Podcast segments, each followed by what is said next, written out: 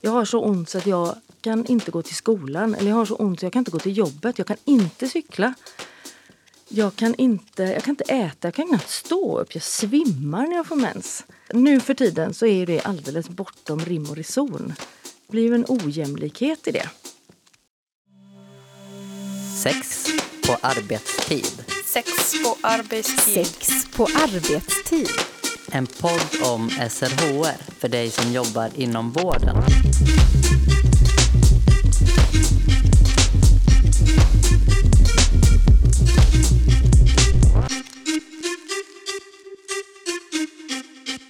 Hälften av jordens befolkning har, kommer få eller har haft mens. I genomsnitt menstruerar man ungefär 7 till 8 år sammanlagt under en livstid. Mens är alltså en stor del av mångas liv och vardag. Men trots det så pratas det ganska lite om just mens. Det här är första avsnittet av tre på temat mens. Och idag så pratar vi med barnmorskan Sofia Wikstrand Linhem. Vi pratar om vad mens är och vad som händer i kroppen när vi har mens. Du lyssnar på Sex på arbetstid, en podd från Västra Götalandsregionen. Jag heter Elin Klingvall och jag gör den här podden tillsammans med min kollega Anna Skoglund.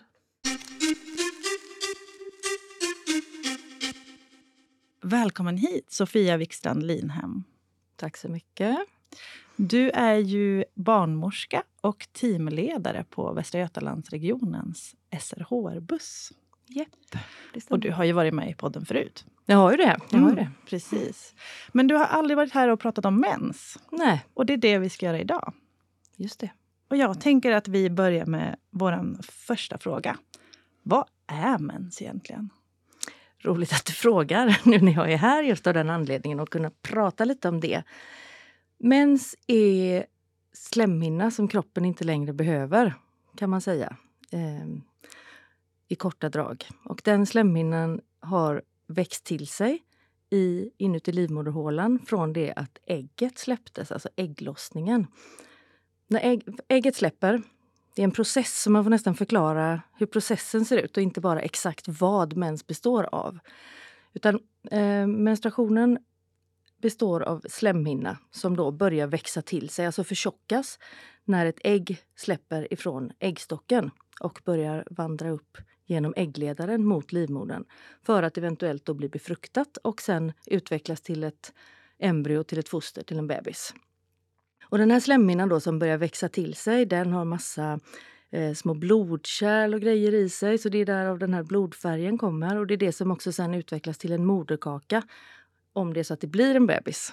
Men blir ägget inte befruktat då behöver slemhinnan inte vara där och vara tjock och gottig och kunna liksom bädda in ägget. Utan då känner kroppen av detta och ägget åker ut genom slidan. Det är så litet så det kan man inte se. Och tillsammans med ägget så åker också slemhinnan, den påbyggnaden, ut genom slidan.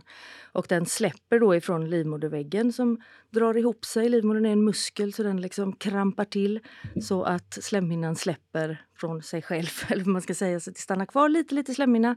Och den tillbyggda delen, den släpper och det är den som kommer ut genom slidan som mens. Men hur mycket mens är det som kommer varje gång som det är en menstruation? Ja, det är ju individuellt eh, skillnad på den mängden. Eh, det ser ju alltid, män ser ju väldigt mycket ut. Om man tänker, nu har man ju inte alltid kanske en vit trosa, men om vi tänker ett vitt underlag och så blir det rött så syns ju det väldigt mycket. Så vi snackar ju egentligen inte speciellt stor mängd eh, mens, utan eh, ja, men någonstans där runt en halv deciliter utspritt då över hela menstruationsperioden, alltså de antal dagar som man har mens. Men hur kommer det sig att det ser så olika ut? Att en del har riklig mens, alltså dubbla binder, byter menskopp ofta eller vad det nu kan innebära, medan andra har väldigt lite, kanske bara några få dagar. Ja du, eh, nu kommer ett lite så här vårdaktigt svar då att eh, det är olika. Eh, sen kan det bero på olika eh, utseende på livmoder innan mätet, eller man ska säga livmoderväggen inuti då, att den är, har olika stor yta. Och därmed då så, alltså om man tänker att rum är olika stora så går det åt olika mängd tapetrullar. Eh, så därför så blir det olika mängd menstruation. Och det kan vara så att man har kanske myom i livmoderväggen. Myom är en slags muskelknuta som eh, buktar ut och inåt livmoderhålan och då måste livmoderslemhinnan klä också det utbuktande myomet och då blir det ju mera. Det kan ju vara en anledning till att man har extra rikliga menstruationer. Men eh, ja, sen är det är individuell variation helt enkelt. Mellan vilka åldrar har vi mens normalt? Där är det mycket enklare att vara lite korrekt. Eh, jag skulle säga mellan 12 och 50. Alltså de flesta får mens någon gång runt kring 12-årsåldern. Och de flesta har sin, kommer i menopaus, alltså det vill säga har sin sista menstruation runt 50 någonting lite drygt år gamla. Med också såklart lite individuell variation. Man kan få mens när man är 9, man kan få mens när man är 16, men då är det av, avviker det. Men ungefär från 12 års ålder till 50 års ålder. Och när, alltså om man, om man inte har fått mens vid 16 års ålder, men det förväntas att man ska få det, vad händer då? Då tycker jag att man ska kontakta ungdomsmottagningen. Och så får man eh, hantera det vidare där och se lite grann vad det beror på. Man, ibland kan man behöva en liten igång, igångsättning av liksom hormonsystemen. Ibland kan det vara att man kanske man tränar väldigt hårt eller man har haft någon sorts eh, ätstörning av något slag eller man är stressad. Eller det finns massa olika anledningar till att mensen inte kommer igång. Alltså menark kallas det, själva mensdebuten om man säger. Så det, det, är inget man kan säga generellt att har man inte fått mens när man är 16 då blir det så här och så här. Utan det är då, då bokar man tid hos ungdomsmottagningen eller på vårdcentralen och så tar man det därifrån. Men vid vilken ålder tycker du att man bör reagera om mensen inte har kommit igång? Ja, men kanske just 16. Det är där 15-16. De flesta brukar ha fått mens första gången i den åldern. Och det är inte så att det är dåligt att få mens efter 16 eller så, men det är ovanligt. Och det avviker. Och det, så är det. Och då får man söka ungdomsmottagning för det. Behöver man söka vård ifall det är ett nioårigt barn som får mens? Ja, det kan finnas anledning att göra det. Eh, utifrån att det kan... Alltså det har ju med hormonnivåer och sådär i kroppen att göra. Eh, och det kan det kan ha inverkan på framtida risker för benskörhet och såna saker om man har så pass tidig eh, mensdebut. Och sen är man ju också mycket, man är ju ett barn när man får mens, det är man ju upp till 18 år kan man säga i och för sig. Men man är ju, det är stor skillnad på att vara 15 och på att vara 9. Eh, så man kan ju behöva lite ja, men lite assistans med hur, hur gör man, hur beter man sig. Men, men det, är, det är ju mer en social fråga. Men eh, om man har ett barn som får mens när det är nio år gammalt då tycker jag man i alla fall ska, ska prata med någon eh, på vårdcentralen eller på ungdomsmottagningen och se lite vad man ska tänka på. Så. Tänkte vi ska prata lite mensskydd. Yes. Vilka mensskydd finns idag på marknaden? Det finns ganska många olika typer av mensskydd. Eh, det finns bindor som har funnits länge eh, av olika former. Alltså att man lägger någonting i underbyxorna så att det fångar upp så att inte man behöver byta underbyxor varje gång du blöder igenom eller så. Utan, men bindor, trosskydd, tamponger finns det ju som är en slags bomullspropp som man stoppar upp i slidan och som man drar ut genom ett snöre, eller inte genom ett snöre men med hjälp av ett snöre. Eh, och sen så finns det ju nu för tiden menstrosor och sen så finns det menskoppar som är som en... Eh, om man vet vad ett pessar är så är det här en slags lite djupare pessar, man ska säga. Som man för in i slidan. Det är ofta gjort av silikon. Och så formar man till det och stoppar upp bara en liten bit i slidan. Och så fylls den koppen med mens och sen eh, tar man ut den och eh, tömmer den och sköljer av kanske och stoppar in den igen. kan man använda gång efter gång efter gång. Eh, vad finns det mer? Sen finns det ju menssvampar. Det kanske inte är så vanligt just nu för tiden men det är en som tvättsvamp, naturtvättsvamp som man kan stoppa ett snöre i själv. Eh, som man använder som en slags tampong. Eh, sen finns det ju en liten trend i att man ska blöda fritt. Att inte ha något som stoppar mensen för att det behöv, ska man inte behöva ha. Och det, man kan ju välja att göra som man vill. Hur funkar det? Att man bara låter det rinna eller att man... Ja, precis. Att eh, det är som det är. Att det är så vi funkar och då, då är det inget konstigt med det. Hur vet man vilket mensskydd som är bäst för en då? Om man nu vill använda, om man, om man nu vill använda skydd? Eh, jag tänker att man får prova sig fram. Ehm, det man kan ju hitta nya typer av mensskydd i olika tider av livet. Eh, det är väl många som börjar med att stoppa en binda i trosorna när man får sin första mens för att det är enklast att komma till och det är, man, man, det är lätt att förstå eh, grejen att man, man lägger någonting i trosorna och sen så slänger man det eller tvättar det eh, och sen eh, stoppar man dit något nytt. Men sen finns ju de här mensskydden då som man för in i slidan. Eh, och det kan man ju behöva lite så instruktioner i hur man gör. Det är inte helt självklart kanske hur man sätter in en, en menskopp. Det står små fina beskrivningar på förpackningar och hemsidor och sådär men man kan behöva kanske känna på en menskopp och titta och förstå. För det, det, om man inte har någon slags missbildning i slidan, att det är täckt på något sätt, så kan ju alla använda eh, tampong och menskopp och så från, från sin första mens i princip. Eh, men man kanske är ovan vid hur det ser ut i underlivet. Alltså, man kanske får gränsla en spegel och se hur det ser ut. Vilket hål är var och vart ska man stoppa in saker och hur, hur, kan man, hur kan man göra? Man får bli bekant med sin kropp på ett annat sätt än om man lägger en binda i trosan. När man tänker mensskydd och det finns ju en uppsjö av olika. Men det finns något som heter tampongsjuka. Vad är det för någonting? Det är framförallt någonting som står på locket till tampongasken. Eh, och som innebär att man eh, kan få en infektion om man har en tampong inne för länge. Vad är för eh, länge då? Ja precis, vad är för länge? Det beror ju såklart på hur mycket som samlas i den tampongen men det blir en, ja, en eh, alla infektioner eh, som man har i kroppen kan bli så pass liksom intensiva så att de går över till blodbanan och då får man en blodförgiftning. Och det är det som beskrivs på den här tampongasklocket. Det är jätteovanligt och det är inte bara för det har inget med själva tampongen att göra utan det har med infektionen att göra. Så får man feber i samband med att man har skydd uppstoppat liksom som är, ja, det är väl tampong eller menssvamp då. Eh, och överhuvudtaget om man får feber då får man ju fundera på vad det kan bero på. Det kan ju bero på en massa olika saker och som sagt tampongsjuka är väldigt det eh, presenteras väldigt, väldigt dramatiskt. Eh, toxic shock syndrome. Toxic betyder ju giftigt. Eh, och alla, alla infektioner i kroppen kan bli giftiga och gå över till blodbanan. Då får man blodförgiftning, sepsis. Och det är allvarligt och då kan man behandla det med intravenöst dropp på sjukhus, antibiotika.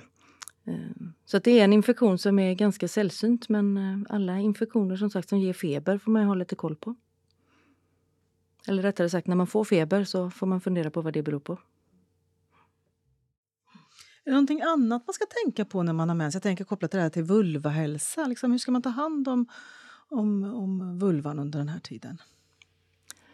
Ja du, eh, det är ett jättestort kapitel för min del som lätt blir eh, eldar upp mig lite grann utifrån att det finns, eh, det finns mycket eh, inte hemlighetsmakeri ska man väl kanske inte säga nu för tiden eftersom det pratas mycket mer om mens nu än vad det gjorde ja, men, säg för 20 år sedan eller kanske till och med 10 år sedan. Och det, är, det är ju jätte, jättebra att det pratas mer. Men det här med vulvahälsa är ju också ett område som bjuder in till mycket olika aktörer på marknaden som kanske vill sälja produkter och sådär för att vi ofta är måna om att vi ska vara fräscha och lukta gott och så. Och det är ju verkligen ingen, ingen dålig grej att vara fräsch och lukta gott. Men just när det gäller underlivet eh, så är det lite speciellt. Men om man ska gå tillbaka till vad man ska tänka på under själva mensen så är det så att när man, när man har mens då blir underlivsmiljön lite mer basisk. Alltså det blir något högre pH. Och det som är bäst för liksom själva slidmiljön och underlivsmiljön generellt det är att den är ganska sur. För då trivs ja, rätt bakterier eh, i underlivet. Eh, eh, och då liksom förgör slidmiljön i sig självt eh, mikroorganismer som kan orsaka besvär. Klåda, illa lukt och såna grejer. Men under mensen som sagt då blir miljön lite mer basisk och en del personer som har mens de har lite lättare för att få svampinfektioner. Därför för svamp fäster lättare i en mer basisk miljö än i en sur. Eh, så att det kan man tänka på att när man har mens, att man inte kanske täpper till så himla mycket. Man behöver inte ha massa bindor med olika plastlager och jättetajta trosor och jättetajta brallor. Och, alltså, om man har besvär med klåda och irritation i samband med mens, det vill säga att man kanske eventuellt har någon svampinfektion. För när man har en svampinfektion, det som behövs då, det är vatten bara när man tvättar och det behövs mycket luft. Eh, då trivs inte svampen, men om man stänger till eh, då blir det som en källare nästan och då trivs ju svamp av olika slag. Så det kan man tänka på eh, när det gäller just under perioden som man har mens. Men behöver man tänka på att man ska tvätta extra mycket eller hur ska man tänka där? Man behöver inte tvätta eh, underlivet speciellt mycket alls generellt. Men när man har mens då kommer det ju blod, blodfylld slemhinna ut genom slidan som kan liksom eh, eh ja, men det fastnar ju på huden i underlivet, klumpar ihop sig, fastnar i könshår eh, och sådana grejer. Och det, jag tänker att man spolar av sig med vatten i underlivet. Då löser de här levrade klumparna upp sig och då blir det rent och fräscht i underlivet igen. Men det är bara den typen av tvättning som man behöver göra extra. Det är lite som att man har jord under naglarna kanske, då använder man en nagelborste och så tar man bort den jorden. Men man behöver inte ha någon speciell tvål för att få bort jord under naglarna. Man behöver inte ha något speciellt medel för att få bort eh, mensklumpar ur könshåret eller fläckar på, på insidan av låren. Det behöver man inte ha. Och jag skulle som barnmorska säga att det ska man inte ha. Det finns otroligt mycket produkter som, eh, ja, men som eh, folk vill sälja till en och som kanske inte är en del är inte farliga på något sätt att använda men det är helt onödigt. Och sen så finns det en del produkter som innehåller tvålämnen, vilket de allra flesta produkter som heter typ intimtvätt eller någonting åt det hållet innehåller. Och då gör de, i och med att de innehåller tvål, miljön i slidan basisk. Eller att den blir mer basisk än vad den behöver vara. Och då bjuder man in svamp och sådana saker. Så det blir liksom en självuppfyllande profetia ibland. Och sen läste jag också, jag googlade lite på det här också, vad det finns för produkter eller för tips så där, om man googlar på vulvahälsa eh, generellt. Och då är det många eh, träffar man får som eh, pratar om någonting som kallas för bakteriell vaginos. Eh, och det är också en mikroorganism som inte är svamp men som är en annan typ av underlivsinfektion och den kan man behöva antibiotika för att bli av med. Eh, och den är ofta ett kännetecken ett kännetecken är att, att det luktar väldigt starkt i underlivet av fisk alltså, eller räkskal så här, på ett sätt som inte luktar friskt. Men det är väldigt lätt när man skriver eh, sådana saker på nätet att lukt, illa lukt i underlivet. Då måste man ju ha någonting att jämföra med. Hur luktar mitt underliv i normala fall? Vad luktar ett underliv? Eh, hur ska man kunna veta vad som luktar illa och vad som, vad som är normal underlivsdoft? Eh, eftersom ett underliv luktar på ett annat sätt än vad hud luktar. Alltid. Eh, då kan det ju vara så att man förleds att tänka att ah, men det här, fasiken vad det luktar illa. Eh, nu måste jag köpa en sån här mousse och spruta upp i slidan eh, så att det försvinner, för det här är ju jättepinsamt. Men det kanske inte alls är så. Det kan ju vara så naturligtvis, men det kanske är också ens helt normala underlivslukt. Eh, så det är det där att att sätta sig över en spegel och kika hur underlivet ser ut, bekanta, bekanta sig med sin underlivslukt kanske låter väldigt eh, flummigt. Men på något sätt ha lite koll på att ett underliv luktar. Det har en speciell lukt. Och när det avviker från det och inte. Då kanske man behöver lite hjälp. Eh, då finns ju vårdcentral och ungdomsmottagning. Och, men generellt vatten och luft, det är första eh, ja, för, på första plats när det gäller vulvahälsa. Finns det större risk att man får bakteriell vaginos när man har mens? Det vågar jag inte exakt svara på, faktiskt. Ehm, men som sagt, eftersom slidmiljön blir något mer basisk och in, alltså, det blir inte så pass surt så att det förgör de dåliga liksom, mikroorganismerna på samma sätt så skulle man kunna tänka sig att det att det kan vara så.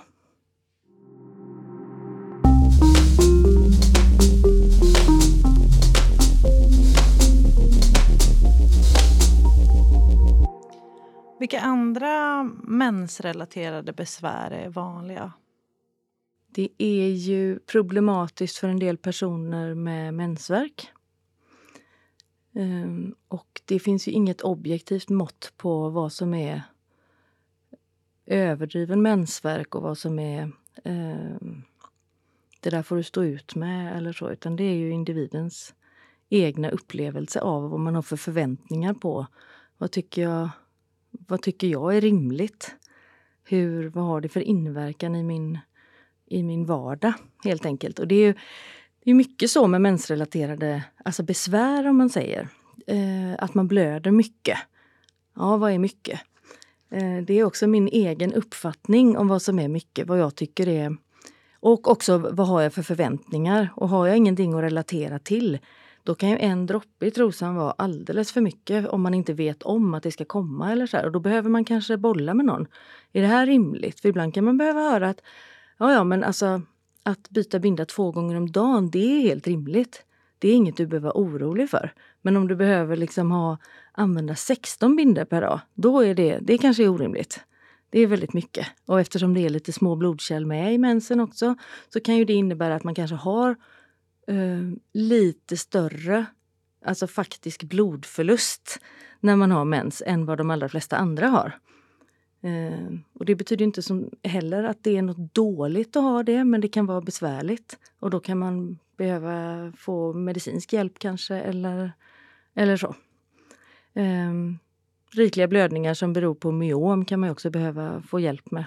Eh, då kan man ibland operera bort myom, eller om det är så att man är i en ålder i livet där man kanske tänker att nej, alltså att bli gravid, det är liksom inget som jag ska ägna mig åt att vara. Eller om man... Ja, oavsett vilken period man är i livet, man tänker att gravid är ingenting jag tänker vara. Då kan man, eh, man kan också liksom bränna slemhinnan lite inuti livmodern för att liksom ta bort tillväxten om det är så att man har extremt rikliga blödningar. Det vanligaste när det gäller rikliga blödningar är ju att...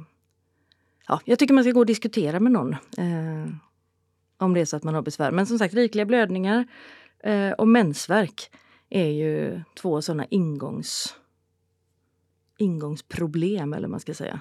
Och sen så finns det ju en hel värld bakom båda de två grejerna. Sen finns det ju besvär så tillvida att man kanske eh, vet att man kommer att få mens när man ska vara i något speciellt sammanhang där man känner att äh, fan, det här kommer bli så jävla krångligt. Um, ja, då kan man också få lite hjälp med det om man behöver. Att skjuta upp mensen då? Att skjuta upp mensen till exempel. Eller kanske man behöver tips om en annan typ av mensskydd om man är van att använda något som inte funkar i det sammanhanget eller så. Just det. Vi ska prata lite mer om mensvärk. Mm. Vad är mensvärk egentligen? Mensvärk är ischemi.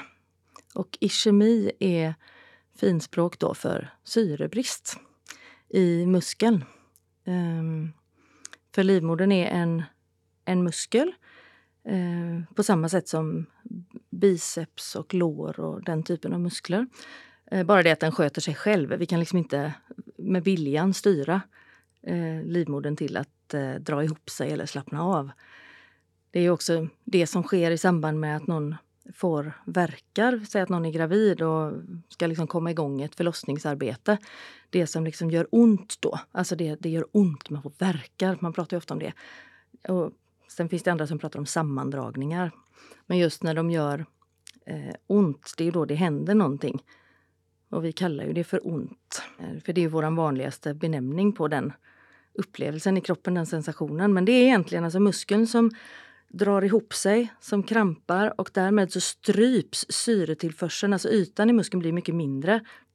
Den liksom drar ihop sig och det stryps syretillförsel och då får man en sån smärtsensation. Så det är det som händer eh, med mensvärk, den här molande verken. Kanske man, eh, man kanske får huggont i, i liksom nedre delen av buken i samband med och sen så känner man att det, oh, tjädra, nu kom det en rejäl laddning liksom med mens. Eh, då är det muskeln som drar ihop sig för att kunna pressa ut den slemhinnan som livmodern har släppt ifrån sig och som ligger inne i livmodern för att komma ut genom slidan som mens. Kan man göra någonting själv för att minska eh, mensvärken? Förutom kanske värktabletter? Ja, det kan man göra. Eftersom det är då den här syrebristen som, som gör att det gör ont och det har att göra med att, luft, att inte att luften krampar, men att muskeln drar ihop sig och blir liksom spänd. Och vad gör man med spända muskler för att de ska mjuka upp sig och för att det ska bli fritt flöde in med syret igen? Till exempel värme kan ju liksom mjuka upp en spänd muskel. Man kan, man kan jämföra med alla andra muskler i kroppen också. Vad gör, men det hade varit gött, jag är så spänd i nacken. Kan du ge mig lite massage? Kan jag få lite värme? Kan jag, nej, jag måste, måste röra mig lite nu för nu börjar det göra lite ont. Och det låter ju ofta som ett väldigt sånt eh, käckt tips. Alltså man ska ut, ut och röra på sig så fort det är någonting, vare sig mentalt eller fysiskt, så ska man ut och röra på sig. Men just när det gäller det hjälper ju inte, rörelse hjälper ju inte mot allting, men just när det gäller en viss del av mensvärken i alla fall. Så att röra sig ökar blodflödet in i livmodern och därmed minskar den här syrebristen som blir tillfälligt. Då. Så det kan man till exempel göra, alltså värme och, och rörelse, även om det känns som att man vill ligga i fosterställning och krypa ihop. Så det kan man göra själv. Men om man har så pass mycket mensvärk eh, så att de här olika metoderna inte fungerar, värktabletter funkar inte, rörelse funkar inte, värme funkar inte. Vad beror det på? Ja, det kan ju bero på olika saker. Såklart också att vi uppfattar eh, olika signaler i kroppen olika. Så därför kan man inte säga att eh, på den här nivån så blir det si och på den här nivån så blir det så. Eh, men vad har, vi, vad har vi för förväntningar? Vad har jag för förväntning på? Vad står jag ut med? Eh, vad är eh, rimligt? Vad är i min familjs berättelse om hur det är att ha mens? Alltså sådana psykosociala faktorer spelar ju in för hur man liksom hanterar mensvärk och vad man har för tolerans och sådär. Men sen så finns det ju alltså mensvärk som, som oavsett de här psykosociala faktorerna, de har, alltså mensvärk som har inverkan på mitt praktiska vardagsliv. Jag har så ont så att jag kan inte gå till skolan eller jag har så ont så jag kan inte gå till jobbet. Jag kan inte cykla. Jag kan inte, jag kan inte äta, jag kan knappt stå upp. Jag svimmar när jag får mens. Eh, och då är det ju alldeles... Eh, nu för tiden så är det alldeles bortom rim och reson. Det blir ju en, det blir ju en ojämlikhet i det. Eh, personer som har mens ska inte behöva missa skolan. Alltså nu pratar vi inte om att man, att man eh, känner lite molverk och tycker att det är jobbigt att gå till skolan för att det är pinsamt eller sådana saker. Det är inte det vi pratar om utan att man faktiskt inte kommer iväg. Alltså det, det funkar inte om man missar delar av sin utbildning eller man eh, får bli förfördelad på sin arbetsplats för att man inte eh, kommer iväg. Då ska man absolut ta hjälp eh, Eh, med det. Och då fin det finns ju starkare smärtlindring som man kan få utskrivet av en läkare till exempel. Eh, sen så kan det också bero på olika, som man definierar som ett slags sjukdomstillstånd. Att man har mensslemhinna, då, det som normalt ska sitta inuti livmodern bara. Det kan finnas på olika platser i kroppen beroende på olika faktorer. Det är lite höljt i dunkel ibland och lite mer tydligt ibland vad det beror på. Och den slemhinnan som då sitter på andra ställen i kroppen den är också styrd av den här ägglossningscykeln. Eh, och då, man kallar det för endometrios. Eh, och det är ju också väldigt besvärligt för många som har endometrios. Eh, sen så ehm, jag tänker på det med, med riktigt stark mensvärk kan ju också bero att under, på att underlivet är ihopsytt. Alltså att man är könsstympad eller omskuren. Det är lite olika hur man, hur man väljer att, att kalla det. Um, det vill säga att, att blygdläpparna kanske är ihopsydda så att det bara finns ett pyttelitet hål för mensen att sippra ut igenom. Och jämfört med att ha en slidmynning som ändå är några centimeter liksom, som det kan det kan upplevas som att det forsar ut jämfört med att det bara droppar ut. Då backas ju det blodet upp och står i livmodern. Livmodern krampar och blodet kommer inte ut och livmodern trycker ännu mer. Blodet kommer fortfarande inte ut eh, i, i speciellt stor fart. Så det kan också vara en anledning till att man har jättestor mensvärk. Ehm, och de... Ja, båda de tillstånden kan ju liksom, man kan ju hjälpa till med det eh, i vården. Så. Så då är det läge att söka vård om man ja. upplever stark mensvärk och eh, de här vanliga metoderna med att röra på sig och ta värktabletter inte fungerar. Mm. Och då kommer säkert vården också fråga när man, när man söker. Nu känns det som att jag riktar in mig lite på ungdomsmottagning men det här gäller ju under hela menstruationsperioden, alltså ända tills man har haft sin sista mens. Det kan ju variera väldigt mycket under, under livet också. Man kanske har jättesmidiga mensar när man, är, när man är ung och sen när man har eventuellt fött barn eller man är jag vet inte, 35 säger vi, så kanske det, man plötsligt får jättemycket mensvärk och sen så går det över igen och så kommer det tillbaka. Alltså, det kan liksom förändras. Men när man, när man söker liksom vård och man har de bekymren, då hoppas jag att vården frågar så här.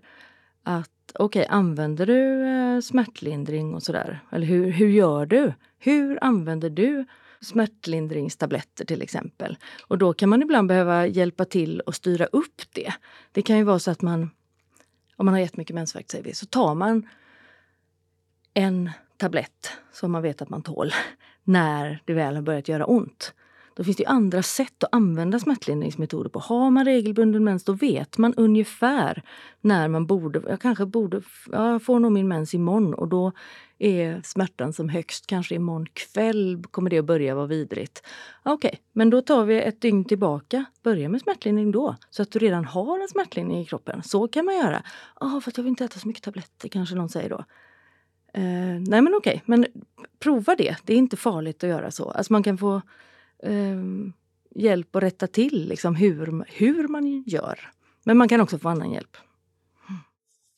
Vilka anledningar, ja, kanske förutom graviditet, finns eh, när mensen slutar? Alltså när det inte är förväntat att den ska upphöra? Ja, alltså du menar om man inte är i 50-årsåldern och mm. förväntas sluta menstruera. Det finns ju en hel radda med anledningar till det. Ehm, graviditet som du nämnde är ju den vanligaste men då är det ju förväntat. Då vet man ju oftast att man är gravid kanske. Men det måste man alltid, om, om man eh, inte får sin mens så får man ju kolla så att man inte är gravid. För de allra flesta. Sen så kan det ju vara så att man, som vi nämnde tidigare, eh, tränar väldigt hårt eh, fysiskt. Man eh, kanske äter mindre än vad man har gjort. Man kanske har fått eh, fatt på någon ätstörning som har börjat dra iväg. Då är ju, alltså mensen är ju en väldigt funktionell, eh, en funktionell funktion i kroppen. Eh, som går ut på att vi ska liksom, ja men det här blir väldigt biobasic, men på att vi ska fortplanta oss som art. Liksom. Eh, och är det så att arten då inte får tillräckligt med näring i sig, men då behöver vi inte hålla på och släppa ägg heller. Det blir onödigt. Så då lägger mensen av. Så, och det är samma eh, stress, eh, annan påverkan, alltså att man är rädd eller såna fight or flight responssystem, fast det här är ett lite, över lite längre tid-system.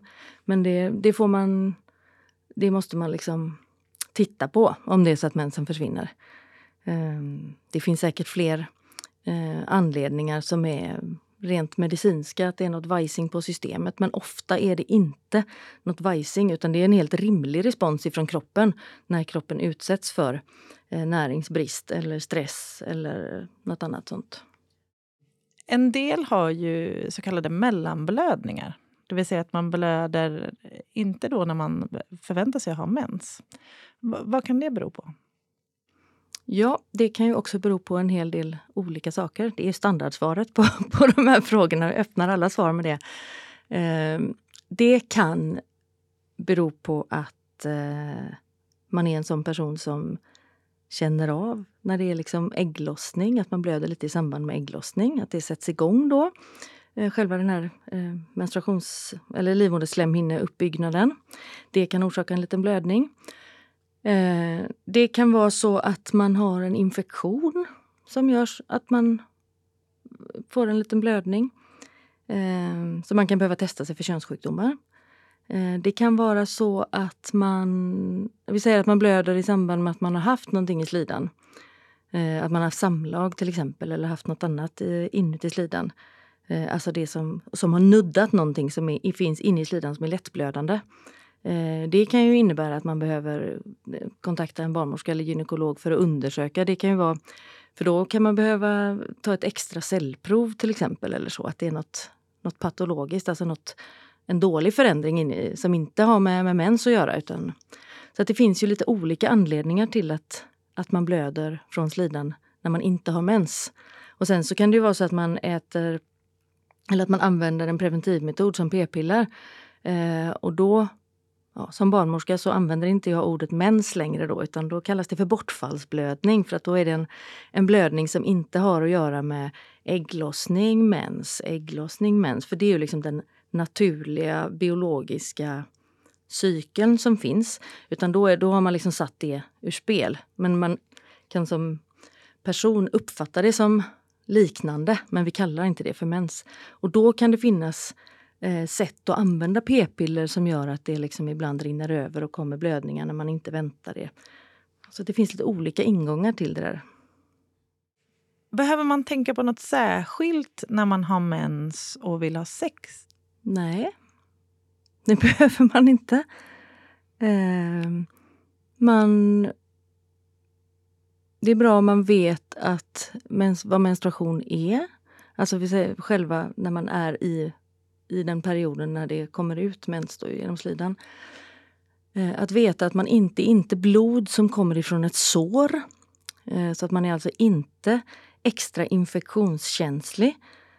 Nu säger jag emot mig själv lite grann utifrån att eh, vi sa förut att slidmiljön blir lite mer basisk och då är man extra känslig kanske för svampinfektioner och så. Men eh, om man tänker just kopplat till, till sex så är det inte så att man blöder ifrån ett sår så att man måste vara försiktig eller att man inte kan ha sex i slidan under perioden man har mens för att det är lite farligt eller så. Det är det alltså inte.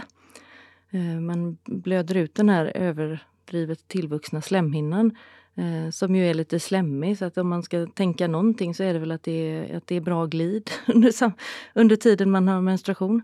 Sen om folk eh, tycker att det är gött eller inte Eh, och ha sex i samband med att man har mens, det är ju individuellt. En del tycker det är jättehärligt för att det är helt riskfritt i förhållande till graviditet och sådär. Och en del tycker att det är, nej, det är kladdigt att hålla på och greja. Men det är liksom inget, inget som är farligt. Det kan man göra som man, som man känner.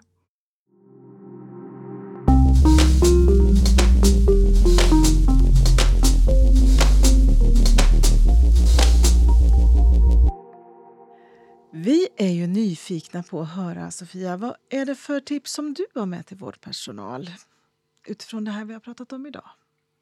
Ja, det har jag också funderat på lite grann. Vad ska man liksom extrahera och skicka med?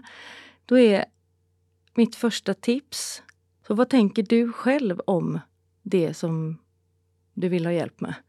Att man utforskar där och låter personen beskriva själv. Man behöver inte ha sån framåtriktning utan mer vad grundar det här sig i? Vart är vi någonstans? Det är mitt första tips. Andra tipset till vårdpersonal när det gäller mens är att såklart lägga sina egna erfarenheter av att ha mens eller inte ha mens åt sidan. Det gäller ju i alla situationer, att vi lägger det åt sidan men speciellt här kan jag tycka utifrån att det finns ändå någon slags hysch-hysch-tradition och att vi vet nog hur det ligger till, men det vet vi ju inte. Och det, det måste man lägga åt sidan. Mitt tredje tips till vårdpersonal när det gäller att prata om mens eller bekymmer som folk har med mens är att man verkligen ska förankra det i sig själv oavsett vilken ingång man har. Om man är, är, en person som menstruerar och tycker att det är fine eller om man är en person som menstruerar och har bekymmer med det eller om man aldrig kommer menstruera. Alltså att man bekantar sig med det och sin egen kropp och hur man förhåller sig till och pratar om mens. Tusen tack Sofia att du var med i Sex på arbetstid och pratade om vad är mens? Nöjet är på min sida.